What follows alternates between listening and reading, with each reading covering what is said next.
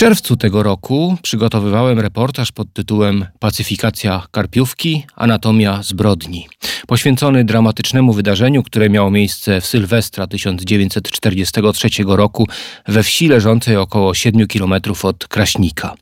Wówczas wieś została otoczona przez Niemców, którzy za pomoc niesioną partyzantom postanowili ją w straszny sposób ukarać. Ponad 40 osób spalono w chlewie, kilkanaście wywieziono do Lublina do więzienia na zamek, a następnie rozstrzelano na Majdanku. Spalono również część zabudowań. Wówczas, w czerwcu, przy okazji zbierania materiału do tego reportażu, świadkowie opowiedzieli mi o tym, że pod koniec wojny nieopodal przemieszczały się niemieckie czołgi.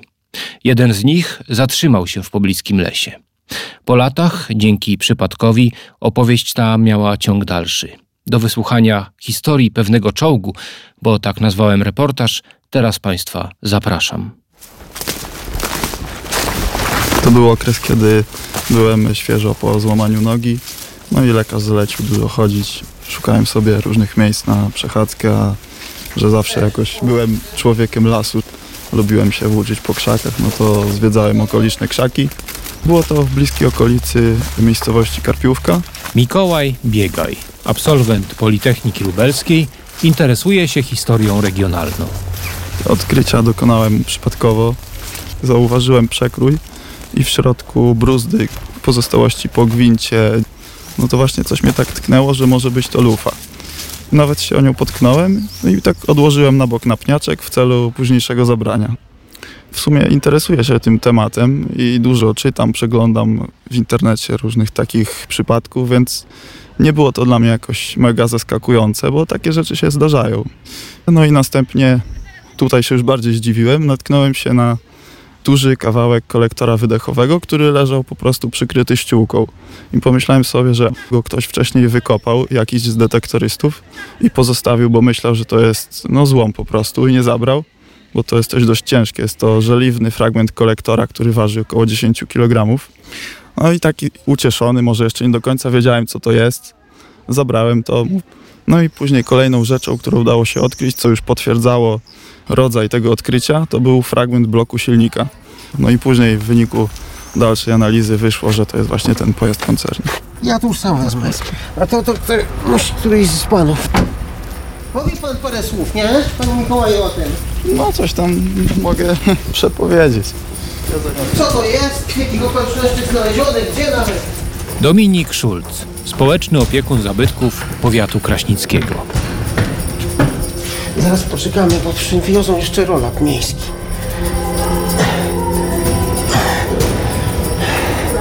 Chyba tak lepiej, nie? Tak będzie się może dobrze prezentować.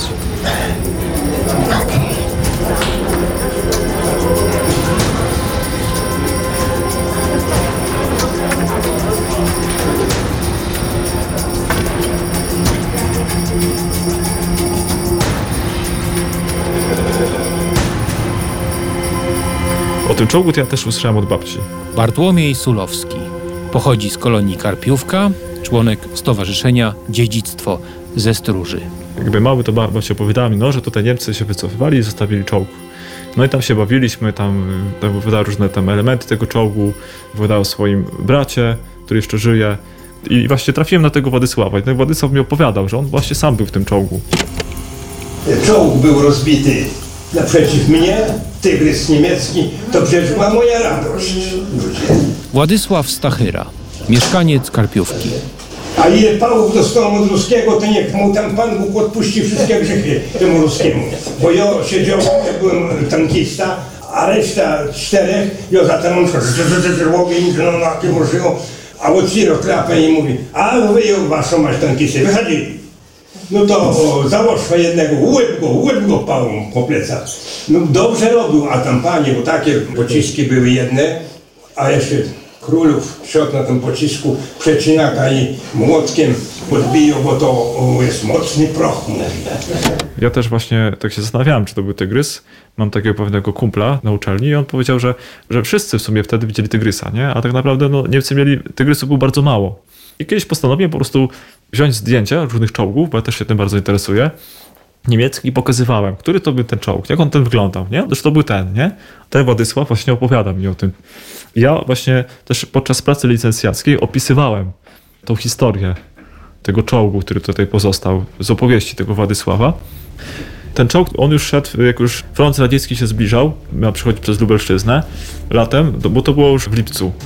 No i to były oddziały pancerne, które się po prostu wycofywały prawdopodobnie z frontu wschodniego na zachód. Uciekały po prostu przed Rosjanami, jeszcze pod osłoną nocy, przed samolotami. I to przez las, bo raczej widać, że wybierali takie właśnie miejsca, żeby się po prostu ukryć przed lotnictwem.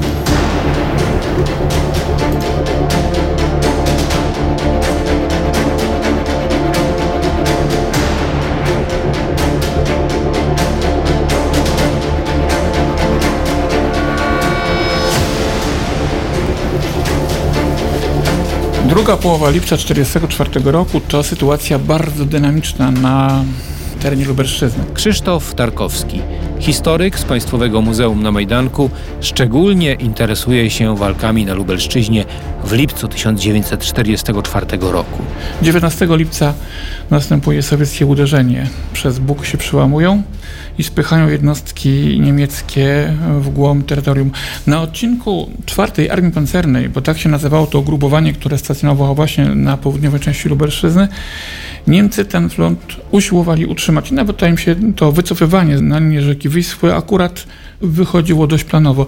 Tu trzeba wziąć pod uwagę jeden kontekst. 20 lipca był zamach na Hitlera i tak jak do tej pory każdy ruch do tyłu był obarczony dużą dozą niepewności ze strony niemieckich generałów, bo bali się tego odstępowania terenu, tak ten lipiec był o tyle spokojniejszy, że niepewność co do losów Führera niemieckiego powodowała, że ci generałowie stosunkowo swobodnie mogli do tyłu odstępować. Najważniejsze dla nich było, na tym planie to jest wyraźnie zaznaczone, to jest plan ruchu tak zwanego odwrotowego czwartej armii pancernej, było utrzymanie trzech dróg, które pozwalały im na ten ruch w stronę Wisły.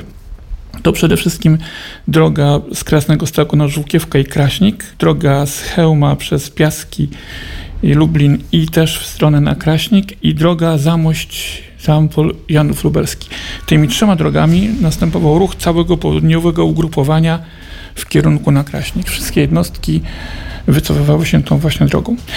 Problemem jest to, że jeżeli chodzi o poszukiwanie czołgu, to tutaj poza 17 Dywizją Pancerną, która miała na składzie Panzer czwórki, nie było żadnej innej jednostki, która miałaby do dyspozycji czołgi z cyklu czołgi, bo był jeszcze 509 Batalion Tygrysów, który walczył 25-26 pod Wilkołazem, ale on nie był pod samym Kraśnikiem w rejonie Karpiówki. Zresztą jeżeli chodzi o te pancer czwórki, to Batalion Tygrysów miał na składzie wyłącznie Tygrysy.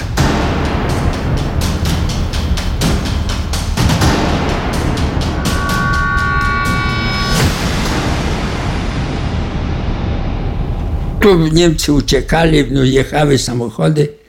Tak wieczorem na Karpiówkę się zaczęło najeżdżać samochodów niemieckich, wojska niemieckiego. Wacław Kot, mieszkaniec kolonii Stróża, gmina Kraśnik. No i mama mówi, będziemy uciekać na Słodków. To jest ze dwa kilometry, czy więcej. Tak przez pola. Co mogła? No nie wiem, chyba pościel w jakiejś tacie zajtki na plecy i krowę. I na Słodków tam były takie znajome na Słodkowie. Iśmy tam się do nich zgłosili, bardzo nas chętnie przyjęli. No dwie siostry moje i ja byłem, i mama była. I w stodole nas tam położyli spać. To tam się byli trzeciego dnia nad ranem buł wyszczał z działa z armaty i wszyscy powstawali. Patrzymy, a przez Słodków jedzie samochód, taki wilisek. I o, ruskie jadą, ruskie jadą, ruskie jadą. Jak byłem dzieckiem, to mieszkała moja babcia świętej pamięci w tym pokoju.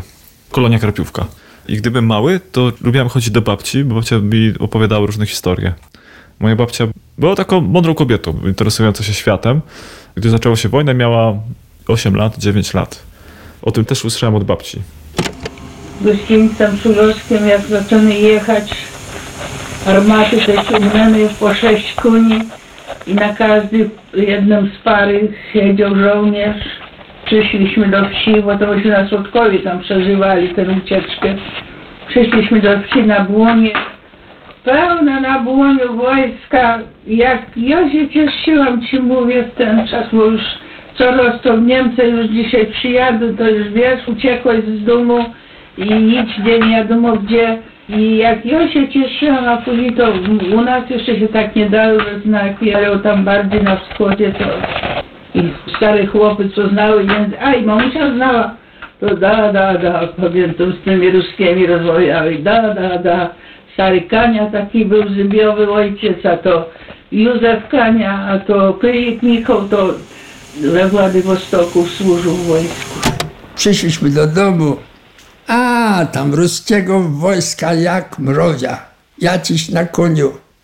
Matka wydoiła krowę, wzięła w garczek mleka do tego ruskiego, ten na koniu, co był, złapał garczek, wypił. Spasiba, spasiba, bo wtedy mu popłynęło. No wszyscy uradowani, kontenci się tego. I tam no, jakoś, nie wiem, poszła pogłoska, że jest czołg uszkodzony. Bo do tego czołgu, to ty wiesz ile było. Za 300 metrów. Jak jest taka Karpiowska Góra, nie? Dzisiaj. Tam, gdzie nie idzie szasa, tylko jakaś droga szła, nie? Takim wąwozem trochę w górę, tak, nie? To w Wielebowym leście było, to tu co twój ojciec kupił go. Ja to nie wiedziałem, to jest las ojca, nie? Ale Konkretnie to było w Wieleba, był mój sąsiad, a to się to był czołg niemiecki. Każdy tak mówił tygrys, tygrys, tygrys, tygrys. Miał na tej obudowa lufy, co jest e, w wieżyczce. No tygrys, lampart, coś takiego, w takiej pozycji skaczący. I myśmy, no tygrys, tygrys, każdy tygrys, no bo był taki wyrysowany, wymalowany farbą. to być może jest znak dywizji pancernej SS Des Reich. To był taki symbol rozpoznawczy dywizji Des Reich. Takich znaków generalnie rzecz biorąc dla całej jednostki nie przypominam, nie kojarzę sobie takiego elementu. Zresztą no to tylko z tym, co panu pokazywałem, ten hinduski, prawda, tygrys skaczący, który Hindusi malowali, on to mieli emblematy jako naszywane na naszywkach na mundurach. Dywizja Das Reich nie walczyła w rejonie Kraśnika. W tym okresie ona była na froncie zachodnim, więc też niemożliwe, żeby jej czołgi brał do tej udział albo któryś się zaplątał. To mógł być znak indywidualny jakiegoś żołnierza albo załogi, która sobie takie coś wymalowała. Albo no, pamięć zawodna ludzka tak powiedziała, że skoro czołg to na pewno tygrys, a jak tygrys to na pewno będziemy skaczącego tygrysa i, i takie korelacje mogły pójść dalej. To taka wersja była, że ten czołg się zepsuł, nie mogli nim jechać i uszkodzili mu coś tam. Ten wystrzał to był specjalnie sprowokowany, żeby go tam rozsadziło. Żeby go uszkodzić, żeby on się nie nadawał, a gdzieś pod południe, tośmy tam byli na placu i ruskie wojsko trzech prowadziło Niemców i tak ludzie między sobą mówili, że to była załoga tego czołga. Jeszcze ten Niemiec coś wyciągał, ten ruski go tego, żeby wyciągnął z kieszeni, coś tam, jakiś medalik, miał coś z tych rzeczy. Miał ten niemiecki żołnierz. Mogła to być załoga, załoga tego czołga, trzech ich było.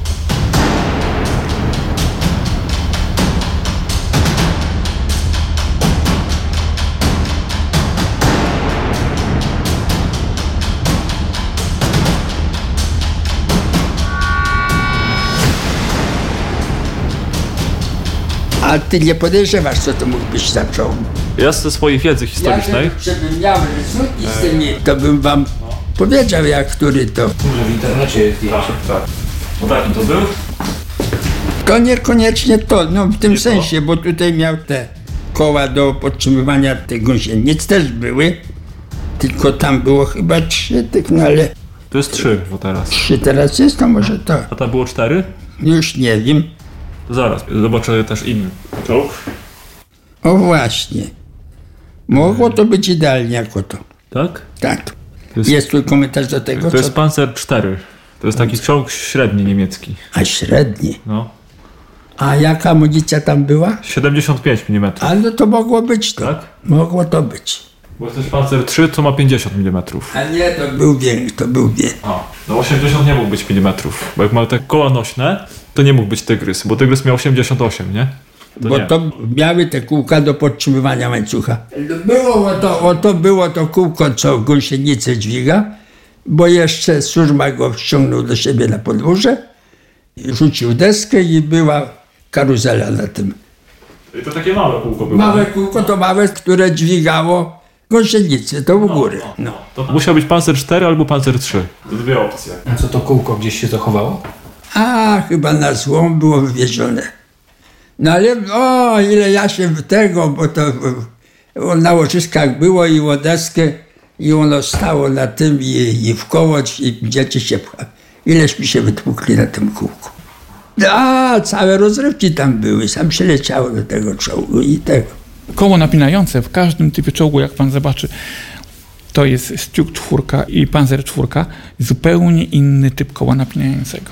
Więc po kole napinającym, bo z tyłu jest koło napędowe, z przodu jest koło napinające. Po kole napinającym to jest najbardziej fajny element do rozpoznania czołgu.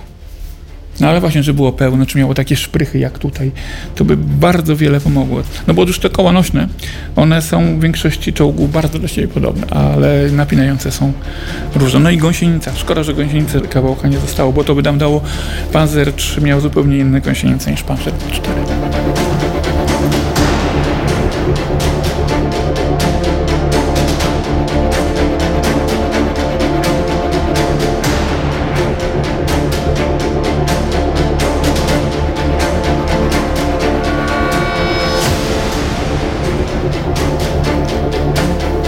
No i tam, no jak to ludzie, no, no tam już próbowali dostać się do paliwa, żeby, bo nie było czym nafty do lamp, żeby świecić.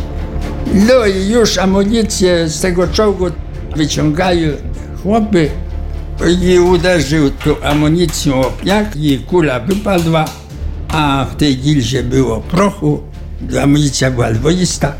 W jednych gilzach było pełno takich patyków prochu, a w drugich było w woreczku taka sieczka. Jedne kule to miały takie białe czuby, może odłamkowe, a drugie przeciwczołgowe. Nie mam pojęcia, tak sobie kombinuję tylko. A pan wchodził do środka? Tak. No w środku było puste stojaki na tę amunicję. Takie, o. Także to ta amunicja stała do góry czubami. I tak z miesiąc, dwa stał ten czołg.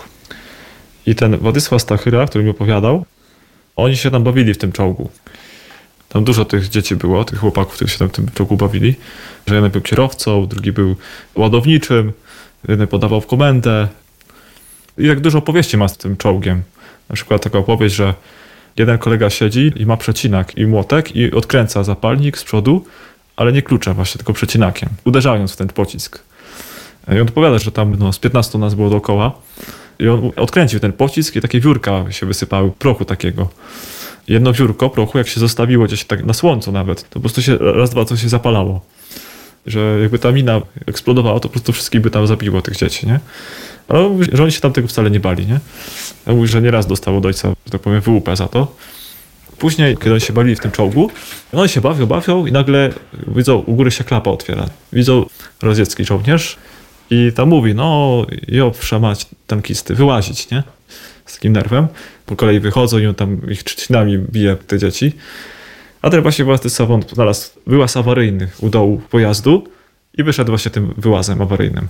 No i po prostu się śmieje z niego. Ale tak mówi, że no ja tam był błogosławy jednak, nie? No bo co my żeśmy tam wyrabiali w tym czołgu, to dziękować Bogu, że tam nic nam się nie stało. Potem jak przyszli Rosjanie, zobaczyli ten czołg, poglądali go, no i stwierdzili, że będą go wysadzać. Na wsi ogłosili po prostu, że żeby wszyscy okna pootwierali. No po prostu, że huk tej eksplozji no, mógłby szyby stłuc, a wtedy szyby no to nie były takie dobre i też były na wagę złota w tych czasach. I Rosjanie po prostu postanowili wysadzić ten czołg.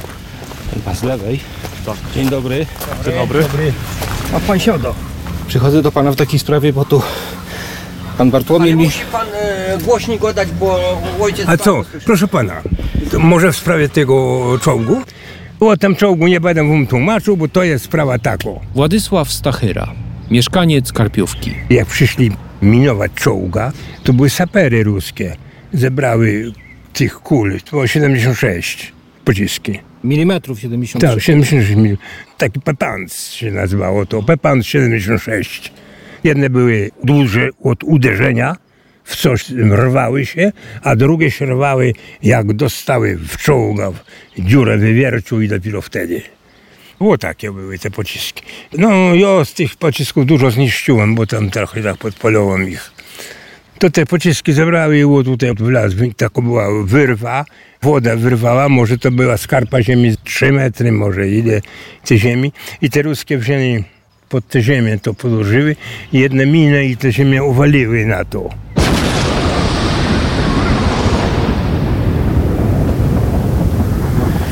No i ten czołg po prostu wysadzili w powietrze.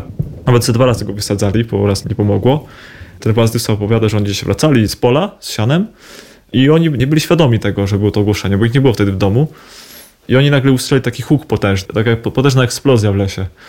I te wszystkie części, jakby tak, on opowiada, jak było słychać te wszystkie części, jak po prostu wirowały w powietrzu. Jedna część tak słyszę, tak wrrr, i, i tak walnęło w ziemię, taka blacha jakaś, nie? I ten ojciec tak, o co to, nie? Spadło, nie? I tak chciał wziąć to i po prostu tak, jak to dotknął, to poparzył sobie rękę. To aż głupio mówić, cała lufa.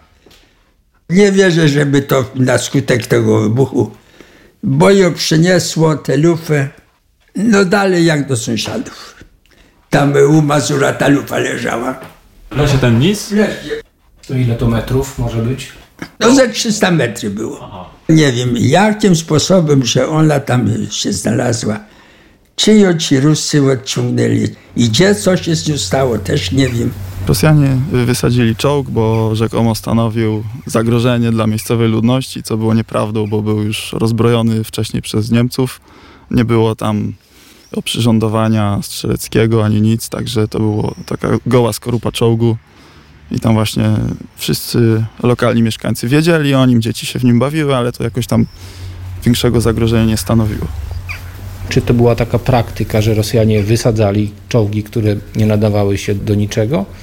No nie, to nie była typowa praktyka. Sowieckie czołgi to jest na przykład czołg e, z Goraja, stracony tam w toku lipcowych walk. Sowiecki T-26, bo jeszcze takich staruszków używali Rosjanie również.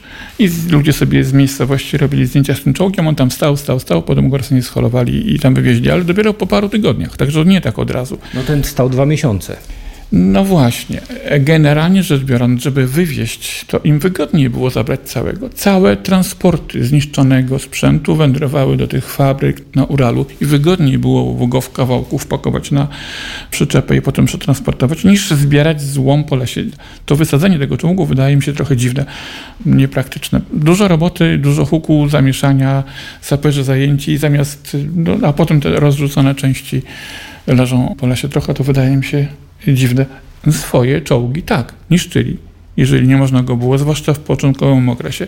Kiedy następuje takie gwałtowne następowanie frontu, to się już własnych maszyn nie wysadza, chociaż takie są zalecenia, ale nie ma na to po prostu czasu. Ludzie bardziej ratują życie, niż zajmują się tym, żeby ich sprzęt nie wpadł w ręce wroga. Natomiast to, że wróg ten przejęty sprzęt wysadza i niszczy, to wydaje mi się już totalnym absurdem bo tak się generalnie nie postępuje. Zresztą, gdyby to było niewielkie uszkodzenie albo na przykład brak paliwa, co się zdarzało nagminnie, to przecież e, Rosjanie bardzo często wykorzystywali sprzęt niemiecki w swoich oddziałach. Mieli nawet, mam takie zdjęcia, kiedy jest cały pluton panter niemieckich pod Berlinem używanych z gwiazdami sowieckimi i jeżdżą tymi panterami i się cieszą. Druga strona robiła dokładnie tak samo.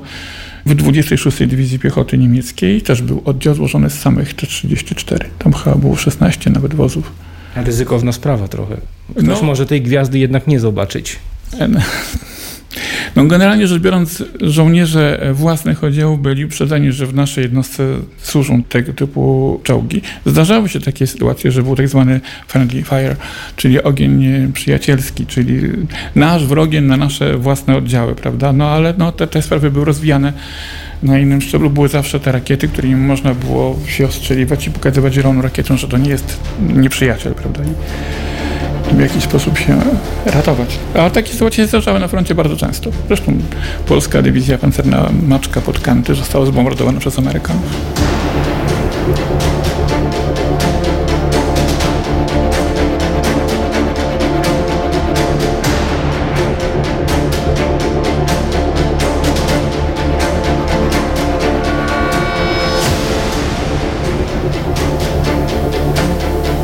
No i te główne części, które tam pozostały, pozbierali i na stację kolejową, na złom i Rosjanie wywieźli.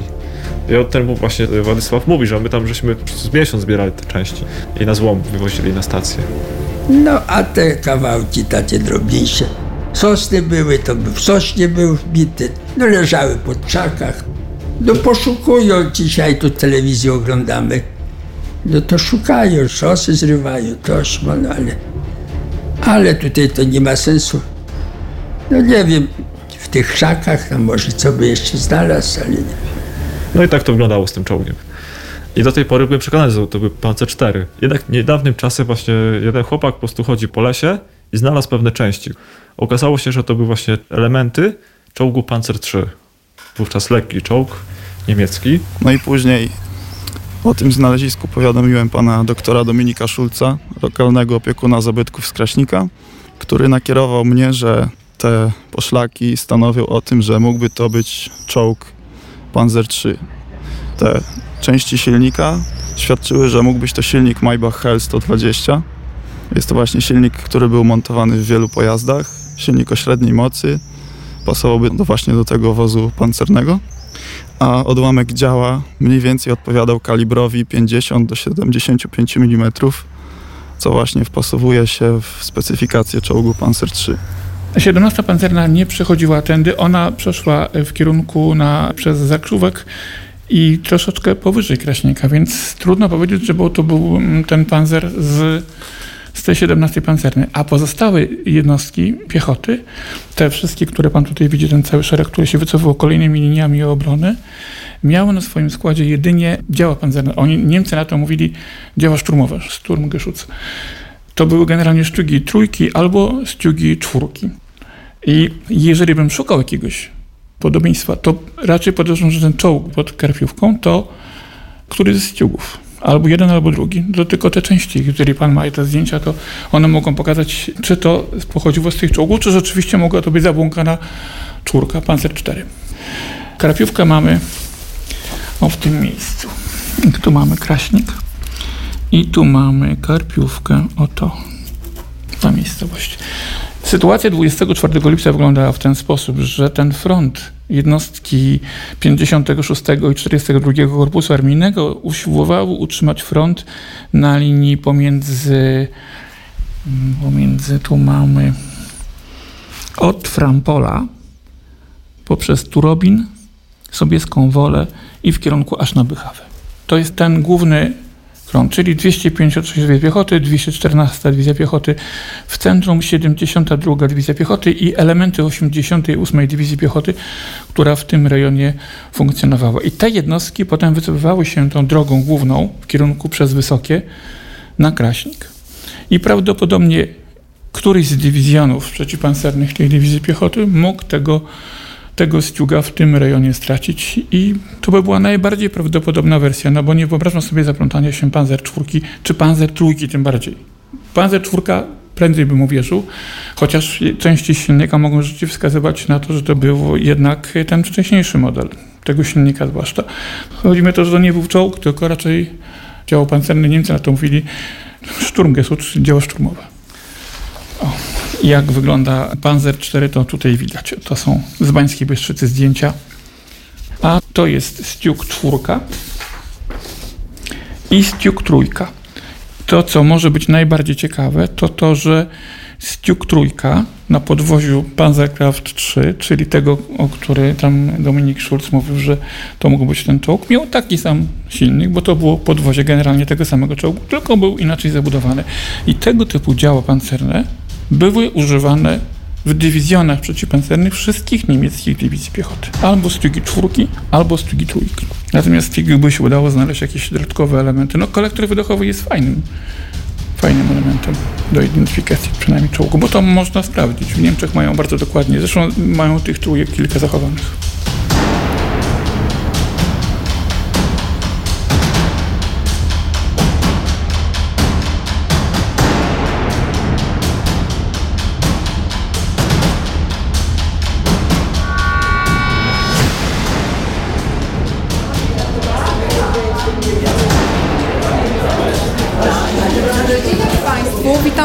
Serdecznie na arcyciekawym, myślę, spotkaniu podsumowującym wykopaliska archeologiczne prowadzone w kamienicy przy ulicy Kościuszki 26. Jeśli ktoś mnie jeszcze nie zna, Dominik Szulc, społeczny opiekun zabytków miasta. Miło mi Państwa gościć e, całkiem licznie, szczerze mówiąc. Zupełnie w sposób nieplanowany, równolegle do prowadzonych badań zgłosił się do mnie obecny tutaj na sali z nami pan e, Mikołaj Biegaj e, ze Słodkowa. Panie Mikołaju, jak, jakby pan mógł się pokazać, e, pan Mikołaj Biegaj, który w Karpiówce odnalazł fragmenty w lesie niemieckiego czołgu średniego Panzerkampfwagen 3, dość popularnego w okresie II e, wojny światowej. Panie Mikołaju, może pan coś o nich powie?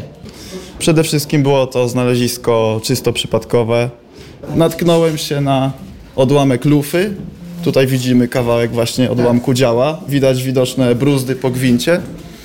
Następnie zaraz pod liściami ukazał się fragment kolektora wydechowego, który też gdzieś tam na stole jest. Tak, jest, jest na stole, ja już ten fragment No przenoszę. w momencie odkrycia dokładnie nie wiedziałem jeszcze co to jest.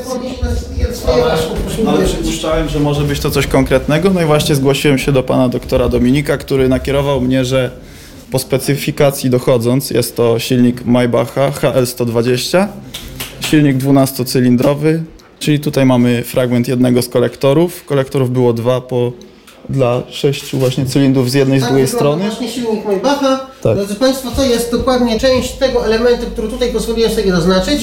Zamierzamy w tym miejscu, gdzie Pan Mikołaj dokonał tego znaleziska, przeprowadzić badania archeologiczne i zresztą wykorzystując to, że kolega Marcin już był w Kraśniku wtedy, bo to było wszystko równolegle z badaniami przy Kościuszki, to wykonaliśmy taki pierwszy rekonesans, zresztą średnio udany, szczerze mówiąc. Teren jest trudny, bo jest dość mocno zarośnięty, ale dzięki temu też wydaje się, że niewiele osób często tam chodziło i tego czołgu szukało. I co ważne, że w piwnicach ma powstać Izba Pamięci. W tej Izbie Pamięci sądzę, że znajdą się informacje o tych wszystkich organach bezpieczeństwa, które funkcjonowały w kamienicy, a więc także i o Gestapo. I przy tej okazji chcielibyśmy wyeksponować, pan Mikołaj wyraził na to zgodę, te elementy tego czołgu, które już sam znalazł i które jeszcze, no mam nadzieję, uda nam się w niedługim czasie odnaleźć. Możecie Państwo do nich podejść, one znajdują się na tamtym stole. Jesteśmy tutaj jako miasto jak najbardziej otwarci, e, żeby przy okazji tworzenia i w perspektywie uruchamiania Izby Pamięci przy Kościuszki 26 wyeksponować również to znalezisko, które dzisiaj było pokazane. Piotr Janczarek, zastępca burmistrza miasta Kraśnik.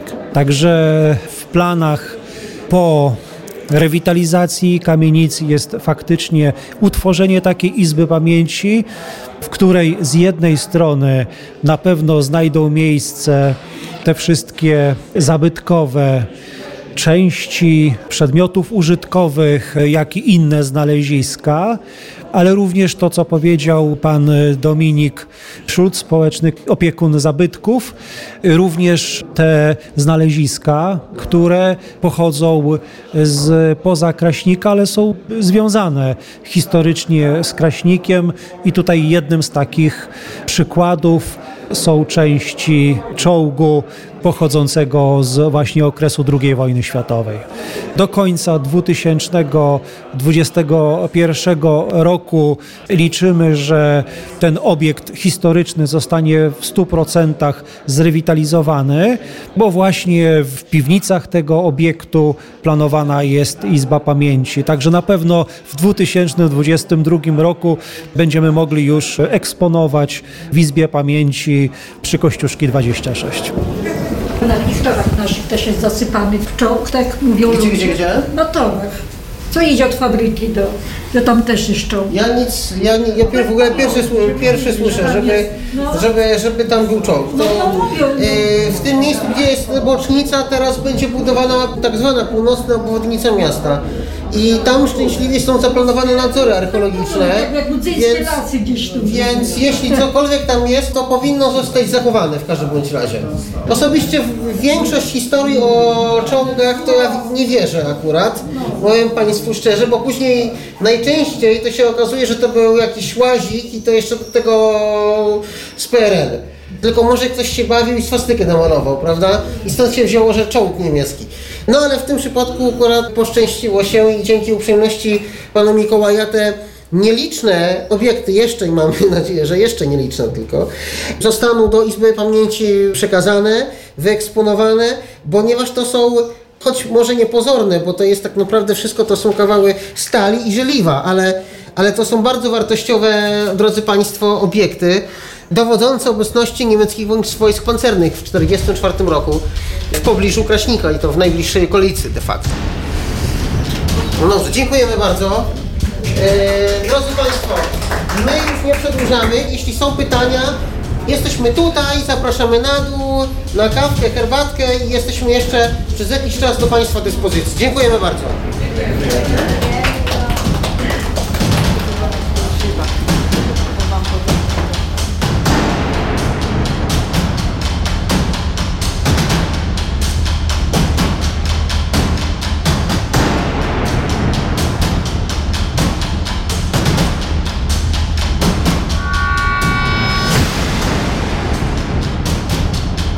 Gdzieś w jakichś archiwach można natrafić dokładnie, co to mógł być za czołg? Niemcy mogli to spisać gdzieś? Że zaginął im taki czołg, że tu stracili? Wszystko zależy od tego, jaka to była jednostka. Na przykład bataliony tygrysów mają bardzo dokładnie prowadzoną ewidencję bojową. Wiadomo, gdzie, który, jaki czołg został trafiony, zniszczony i został zdjęty ze stanu. Łącznie z nazwiskami załogi jest? Czy... Nie, numery. Rzadko kiedy. To trzeba dokładnie w kronikach. Zresztą te jednostki, jak dynamicznie wycofywały się z frontu, to wiadomo, że nie zawsze ci kronikarze, którzy prowadzili tego typu ewidencje, no, udało im się z okrążeń tych pochodów, marszy dość wyczerpujących wyrwać. Tu na odcinku Lubelszczyzny też te jednostki przemieszczały się, jednak ten właśnie południowe te ugrupowanie 54 Korpusu Armijnego cofało się przecież przez Lasy Janowskie, Puszczę Solską i to były rejony bardzo bogato urzutowane w nasze oddziały partyzanckie, zarówno Armii Krajowej, jak i Armii Ludowej i oddziały komunistycznej, partyzantka sowiecka czasami. I te przemarsze, zwłaszcza te końcowe elementy tych kolumn, no, były atakowane przez partyzantów którzy w tych ostatnich dniach lipca przecież weszli do operacji Burza. Tak mi przychodzi do głowy teraz, że być może któryś z oddziałów niemieckich, który brał udział w tej operacji przeciwpartyzanckiej, oni tam właśnie używali tych lekkich, starszych czołgów. Ale to trzeba by było znowu sięgać do tych, które brały udział w tych walkach. Partyzanci podczas walk w Puszczy Solskiej mówili, że mieli do czynienia z czołgami niemieckimi i do tych walk Niemcy bardzo często używali starszych rodzajów czołgów. Tam Panzer Trójka mógłby walczyć, a potem może wycofywał się w kierunku na Kraśnik, bo te walki to właśnie lipiec 1944 roku. Walki w Lasach Janowskich i Puszczy Solskiej. Nie zdajemy sobie sprawy, a wokół nas jest jeszcze tyle rzeczy nieodkrytych. Takie odkrycia zdecydowanie mnie napędzają na dalsze, na podjęcie dalszych prac z tym związanych i wzbogaciło to moją pasję i doświadczenie co do tematów poszukiwania artefaktów, bo zawsze się tym interesowałem. Może nie do końca miałem na to czas, ale teraz tak popchnęło to tą sprawę i zacząłem aktywnie brać udział w takich rzeczach. Ale przypadek sprawił, że ta złamana noga pana doprowadziła jednak do jakiegoś miejsca nowego. No tak, wszystkie rzeczy się łączą. Może gdyby nie to, to nawet nikt by się do tej pory nie dowiedział, a te części nadal by gniły w lesie.